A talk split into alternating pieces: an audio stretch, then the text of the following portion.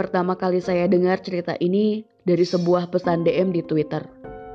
Seorang perempuan yang ingin bercerita tentang pengalamannya saat ia pertama kali bersentuhan dengan penghuni di dalam rumahnya.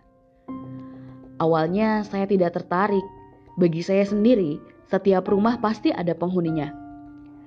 Namun saya tetap antusias untuk mendengarkan ceritanya. Satu persatu kepingan ingatan yang pernah ia alami, ia ketik dalam pesan pendek email dan saya baca satu persatu. Masih belum tergugah dengan ceritanya. Hingga mata saya berhenti pada satu titik kalimat yang membuat saya tiba-tiba begitu tertarik. Satu kalimat yang seakan merubah persepsi saya pada sebuah cerita rumah berpenghuni yang klise. Karena apa yang akan kalian dengar ini bukan sekedar cerita hantu, melainkan sebuah cerita yang benar-benar akan menjadi salah satu cerita paling berkesan, terutama teruntuk saya sendiri. Sorop itu adalah ketikan kalimat yang membuat saya tiba-tiba berpikir untuk menemuinya. Berbicara langsung dengan kontributor saya dan di sini Peristiwa itu akan saya ceritakan sedetail mungkin. Cerita tentang tenggelamnya matahari dan membangunkan mereka semua. Butuh waktu 5 jam untuk sampai ke kota kontributor saya. Berbekal lokasi tempat kita berjanji yang tiba-tiba dibatalkan karena beliau ingin saya melihat langsung rumahnya, saya tidak keberatan karena saya juga ingin melihat rumah yang akan saya ceritakan nanti.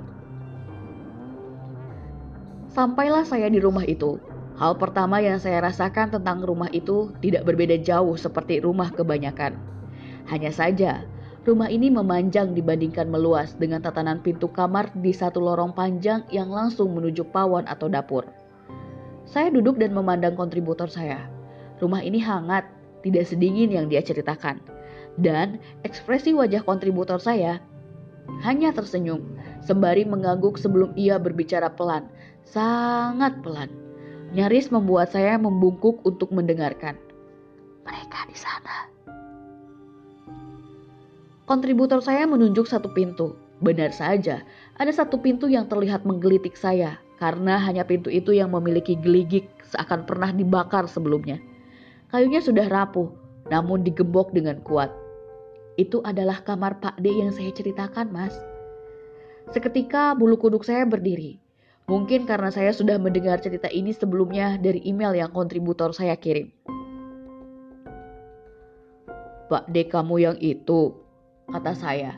Dan dia mengangguk. Saya mengangguk berusaha mengerti.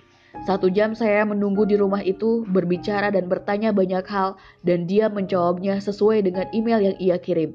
Terbersit pertanyaan yang pasti keluar terlebih bila seseorang mengalami gangguan hingga sesinting itu. Kenapa nggak dijual aja mbak rumahnya? Kontributor saya hanya menunduk. Tepat setelah saya bertanya itu, ia langsung menunduk seakan pertanyaan saya nggak sepantasnya dipertanyakan.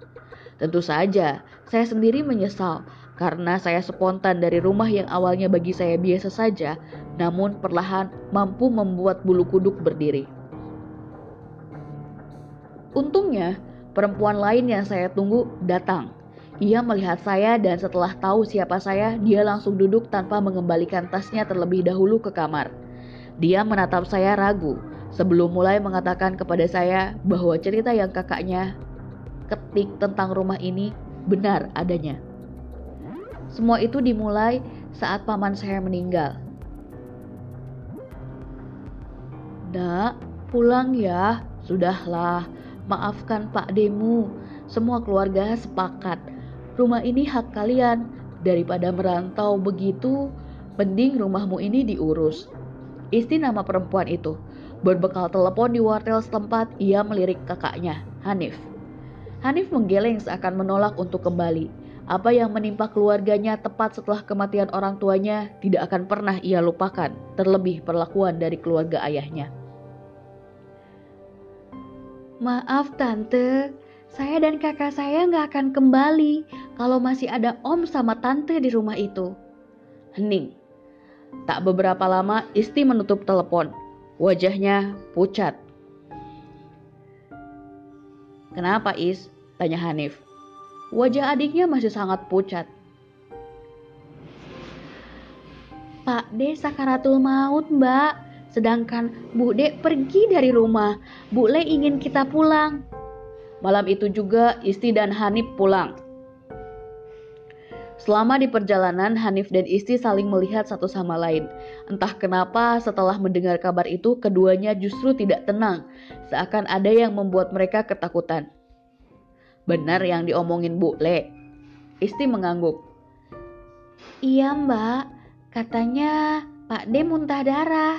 Terus dia manggil-manggil nama kita semua. Isti terdiam lama. Sorop. Hanif tidak lagi melihat Isti. Ia melihat ke jendela kereta. Sudah lebih dari 14 jam perjalanan mereka. Dan sebentar lagi mereka akan tiba tepat ketika matahari akan tenggelam. Cahaya kemerahan di barat terlihat begitu mencolok. Hanif masih ragu apakah ia siap melihat wajah Pak D setelah apa yang mereka perbuat kepada dirinya dan adiknya. Rumah itu memang tak seharusnya dipertahankan bila akhirnya menjadi seperti ini. Di stasiun, seorang lelaki kurus melambaikan tangan. Hanif dan Isti mendekatinya sebelum mencium tangannya. Ayo, ayo. Semuanya sudah menunggu, ucap si lelaki kurus. Namanya Supri. Tetangga sekaligus orang yang dulu paling dekat dengan almarhum orang tua mereka. Pak D gimana mas? Supri yang tengah menyetir mobil tidak langsung menjawab. Wajahnya khawatir. Gak tahu. Isti dan Hanif saling melihat satu sama lain. Belum terlalu jauh dari stasiun, tiba-tiba hujan deras turun. Wajah Supri semakin khawatir. Pertanda jelek. Mobil tua itu tetap menerjang meski hujan semakin deras dan langit mulai menggelap. Tepat maghrib mereka sampai di depan rumah yang sudah dipenuhi warga kampung. Isti dan Hanif turun dari mobil. Sebelum mengucap terima kasih pada Supri, Hanif menyadari ada yang salah dari wajahnya. Hati-hati ya, kata Supri yang membuat Hanif terdiam lama. Bu Lemu sudah menunggu, sudah sana. Berlari di atas tanah berlumpur sebelum disambut warga kampung. Isti dan Hanif menuju Bu Le yang sudah menunggu. Ke sini nak, kata Bu Le. Ia merungkuh badan Isti dan Hanif sebelum menuntunnya menuju sebuah kamar kedua di ruang tengah di sana orang-orang yang tengah mengaji tiba-tiba keluar saat melihat Isti dan Hanif. Monggo mbak, ucap mereka saat meninggalkan. Hanif dan Isti saling melihat satu sama lain. Suara dan wajah orang yang baru saja mengaji terdengar ketakutan. Di dalam kamar ada sebuah kelosok, tikar tenun di atasnya ada seorang yang mereka kenal. Pak D. Ia terbujur diam saat Isti dan Hanif sudah ada di dalam kamar. Tiba-tiba bule melangkah keluar sebelum menutup pintu kamar itu.